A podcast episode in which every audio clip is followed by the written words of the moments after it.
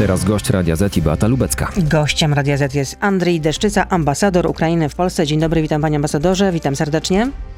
Dzień dobry pani redaktor, dzień dobry państwu. Mm, dziękuję, że przyjął pan e, nasze zaproszenie. Kiedy pan się dowiedział o tej misji do, bombardowana- do zbombardowanego Kijowa trzech premierów Polski, Czech i Słowenii? No, czy mam powiedzieć prawdę? To za dzień, dzień przed. O prawdę, tych prawdę. szczegółach, o tych szczegółach, a, a reszta to pozostawię dla historii, na, będzie pisać memoary. Rozumiem, czyli dowiedział się pan w niedzielę, tak? Dzisiaj nie, dzisiaj mamy No. środę, nie, to dzisiaj mam środę, tak? No, Czyli no, dowiedział się pan w poniedziałek. Dowiedziałem się w poniedziałek, mieliśmy inne plany, mieliśmy inne propozycje, ale się udało. Ważne, że doszło do tej misji, że wszyscy e, wrócili, pojechali i wrócili zdrowi i bezpieczni, że politycznie ta misja e, wybrzmiała bardzo dobrze, bardzo mocno i dlatego jestem zadowolony. Czy mamy mówić przed takimi e, misjami na, e, w antenie czy do mediów? Uważam, że w czasie wojny może trzeba coś utrzymywać w tajemnicy, żeby miało skutek. Ale rozumiem, że pan też uczestniczył w jakiś sposób w organizacji, w przygotowaniu, tak?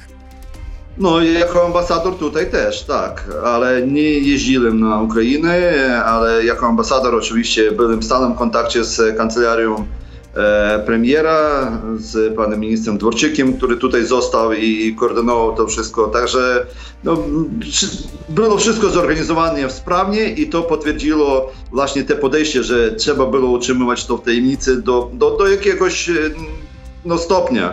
E, To e, mm, No ze względów bezpieczeństwa, no ze względów no, ze- bezpieczeństwa, co by nie powiedzieć, względów- e, ten wyjazd obarczony dużym ryzykiem. Ale czy trzej premierzy przywieźli ze sobą konkretne propozycje zaostrzenia sankcji unijnych? Czyli premie- premierzy przede wszystkim przywieźli bardzo mocny sygnał wsparcia Ukrainy. I to, to się liczy. To jest taki bardzo mocny sygnał, który jest ważny dla Ukraińców, którzy walczą, którzy, zobaczyli, że nie są sami, że mają e, partnerów, przyjaciół e, po broni. I bardzo ważny sygnał też e, na świat, który pokazuje, że musimy się bardziej zjednoczyć i wokół Ukrainy przeciwko Rosji i z, zająć jedną, e, jedno stanowisko, mocne, twarde stanowisko unijne, a może nawet i transatlantyckie, ale nie może, a na pewno transatlantyckie. No i jeszcze jedna, jeden ważny sygnał, który poszedł w świat, to że państwo ukraińskie, administracja ukraińska funkcjonuje. Możemy organizować takie wizyty państwowe na takim szczeblu. E, niekoniecznie, że ambasador mam tam jechać, ale jest e, e, przyjmowany, przyjmowana wysokiej rangi delegacja przez prezydenta, przez premiera, prowadzone rozmowy, jest konferencja prasowa, tak jak w normalnych, norma, normalnych, przy normalnych wizytach. Ale to też ważne pokazać ludziom, że rząd funkcjonuje w pełni A kiedy i prezydent, kontroluje sytuację. A kiedy prezydent Zełański się dowiedział o tym, że jest taka inicjatywa? A no, to, e, panie redaktor, to wchodzimy bardzo szczegóły, ale jak, jak już wspomniałem, e, po wojnie, e, po paru latach, e, siedmiu latach pracy w Polsce, e, zasiądę za memoary, napiszę książki i wtedy się spotkamy znowu. E, No, godzinę temu rozmawiałam z byłym prezydentem Bronisławem Komorowskim, którego pan zapewne zna. No i pan prezydent powiedział, były prezydent, że jest jednak nieco rozczarowany, że to był właściwie taki gest symboliczny, ale konkretów to w tym brak. To jak pan się do tego odniesie? Ja, ja e, bardzo szanuję pana prezydenta Komorows- Komorowskiego, jestem zaprzyjaźniony z nim, e, jesteśmy party nawet, jeździliśmy razem na Ukrainę, e, w jego rodzinne strony i wiem, że pan prezydent bardzo lubi Ukrainę, bardzo wspiera Ukrainę, bardzo pomaga Ukrainie i jak był prezydentem i teraz jak już e, odszedł z urzędu. Ale e, przy spotkaniu z panem prezydentem powiem, że naprawdę było kilka rzeczy konkretnych, które zapadły w Kijowie i które będą e, opracowywane w przyszłości. No to w Ale- takim razie jakie to są konkrety, panie ambasadorze?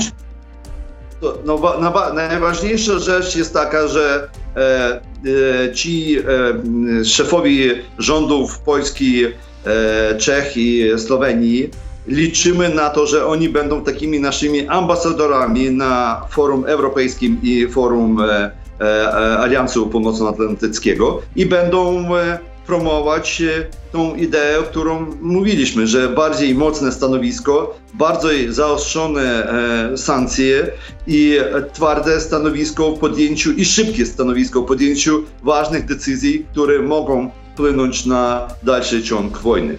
To znaczy zatrzymania agresji rosyjskiej. A te sankcje są daleko idące, ale w takim razie gdzie są te luki, gdzie należałoby jeszcze je wypełnić, Pana zdaniem? No na przykład tranzyt. Tranzyt e, z Europy Zachodniej, e, w tym i przez Polskę i, i przez Litwę do, na Białoruś, a dalej do Rosji. To trzeba też zatrzymać, trzeba te granice zatrzymać, bo jeżeli wprowadzamy sankcje, a jest luka tranzytowa, to nie są sankcje. Czy na, na przykład niektóre linie lotnicze wciąż latają z Rosji do, do powiedzmy innych państw, a z tych państw już do Europy. Także no, trochę uderzyło. Oczywiście nie ma dużo tych rejsów. E, nie, nie korzystają Rosjanie z te, tak licznych połączeń, ale wciąż jest ta luka. Trzeba to zamknąć też. A rozmawiał Pan o tym z przedstawicielami polskiego rządu? Tak, rozmawialiśmy, prowadzimy rozmowy i nie tylko ja, ale też e, moi koledzy z Kijowa na szczeblu rządowym, e, ministrowi infrastruktury, ministrowi wicepremier e, do spraw gospodarki. W ostatnią, ostatni weekend spotkali się w, na przejściach granicznych Korszowa-Krakowiec i na innych przejściach granicznych i z polskimi przedstawicielami rządu, z ministrem Adamczykiem rozmawialiśmy o tym, jak e, zadziałać, żeby wstrzymać na przykład ten tranzyt przez Polskę i Litwę. Ale, ale to, trzeba robić, ale to trzeba robić razem, razem z partnerami z Litwy, żeby, żeby to było skuteczne. Bo jeżeli zamknie się w Polsce, to oni pojadą na Litwę. E, jeżeli, jeżeli zamknie się tylko na Litwie, to pojadą przez Polskę. Także musi, musi być twarde stanowisko e, i taki jedyny, e, jednolity, zjednoczony front przeciwko Rosji.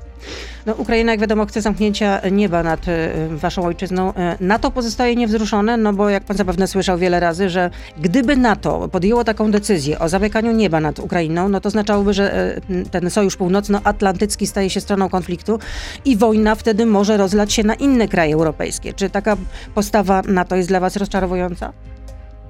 Panie redaktor, jeżeli może w inny sposób odpowiem.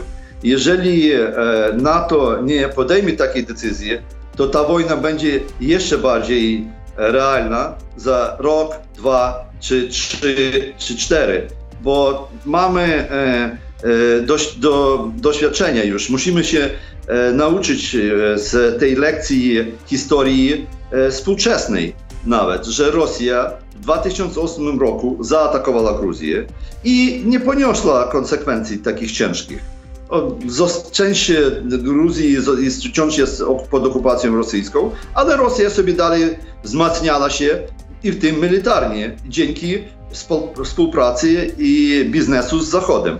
W tym z Niemcami, z, z Unią, z kilkoma państwami Unii Europejskiej i wzmocniła się na tyle, że w 2014 zaatakowała Ukrainę.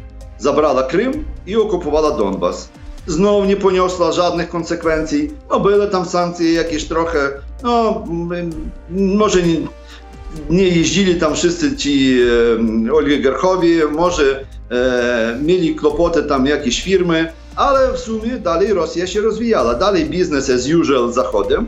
No i doszliśmy po 8 latach, 2022 i Rosja poszła dalej, znowu bez konsekwencji. E, jeżeli to się skończy, to Rosja 24 czy 6 pójdzie dalej.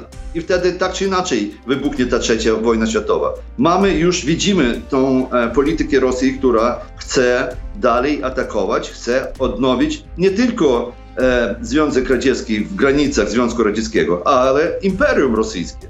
A na przykład Polska była kiedyś już pod zaborami rosyjskimi.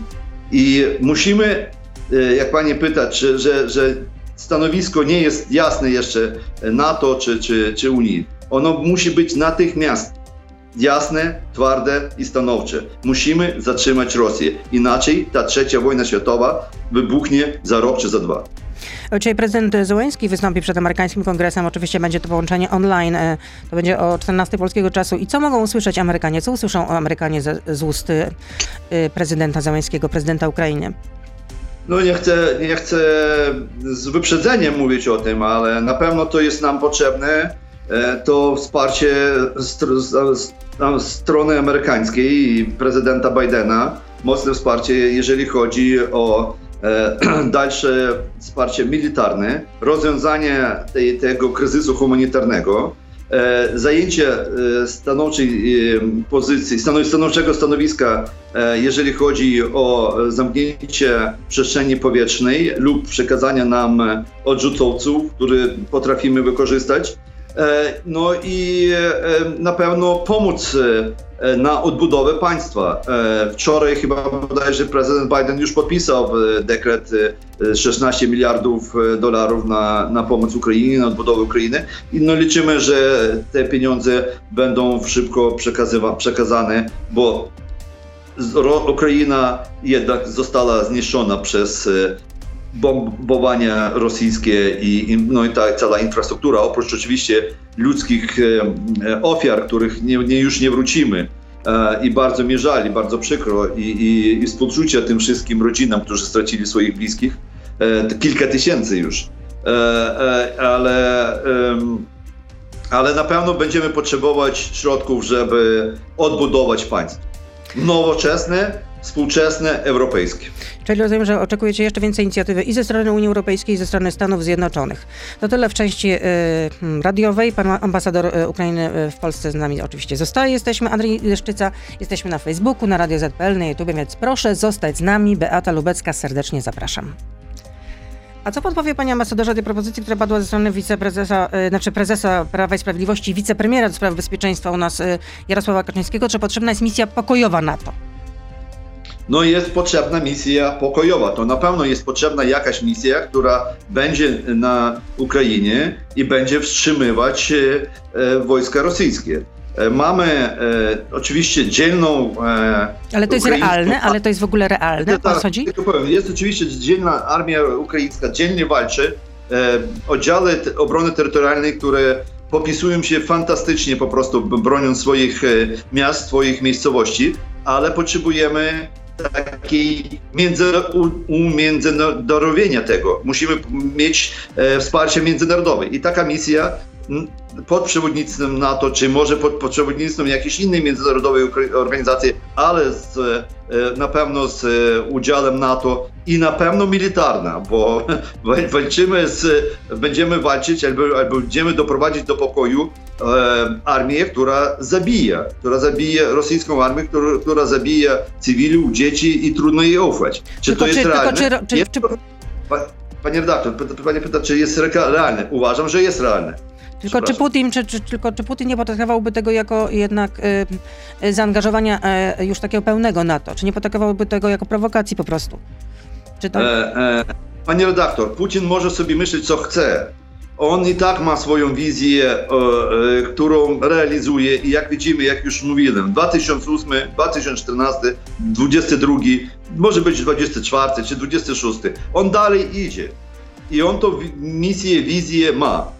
I e, jeżeli NATO tego nie uświadomi teraz, jeśli Unia Europejska nie uświadomi sobie tego teraz, to będzie miała kłopot z, e, z rosyjską agresją po kilku latach. Czyli Dlatego, musi być po prostu e, zdecydowany opór, albo nawet odpór. Zdecydowany, zdecydowany opór, zjednoczona linia e, frontu wszystkich państw przeciwko Rosji. I tutaj bardzo liczymy, i pani pytała o konkrety w Kijowie, tutaj bardzo liczymy, że właśnie te e, państwa, Polska, Czechy, Słowenia będą to promować na, na arenie międzynarodowej, przede wszystkim e, w Unii Europejskiej i NATO. Jesteśmy gotowi dołączyć się do tego, jesteśmy gotowi wspólnie to robić, e, razem dołączyć Ukrainę, dołączyć do tych państw, bo my jesteśmy najbardziej, niestety, niestety, doświadczeni tą wojną i możemy przekazać do tych państw, do przywódców tych państw,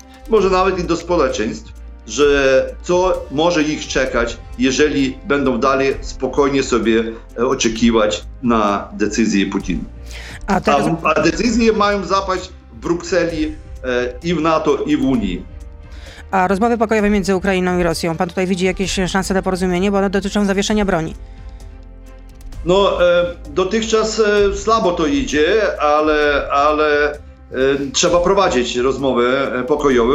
W każdej wojnie są prowadzone jakieś rozmowy pokojowe, jakieś negocjacje. W końcu każdy konflikt wojenny, militarny kończy się jakimś porozumieniem, jakimś zawarciem jakiejś umowy. No, trzeba to prowadzić.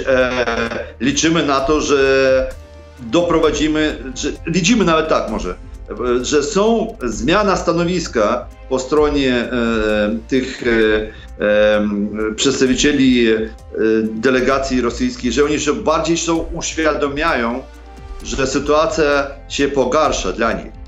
I, ale no, jeszcze nie zmieniają swego stanowiska, że bardzo ostre są te stanowiska, są dalej y, stawiać warunki, na które my się nie zgadzamy, ale, ale widzą, że nie udało się Rosji w ciągu dwóch dni, nawet w ciągu dwóch tygodni, nawet w ciągu trzech tygodni nie udało się Rosji zająć Ukrainy. Także y, mają teraz problem, co robić dalej.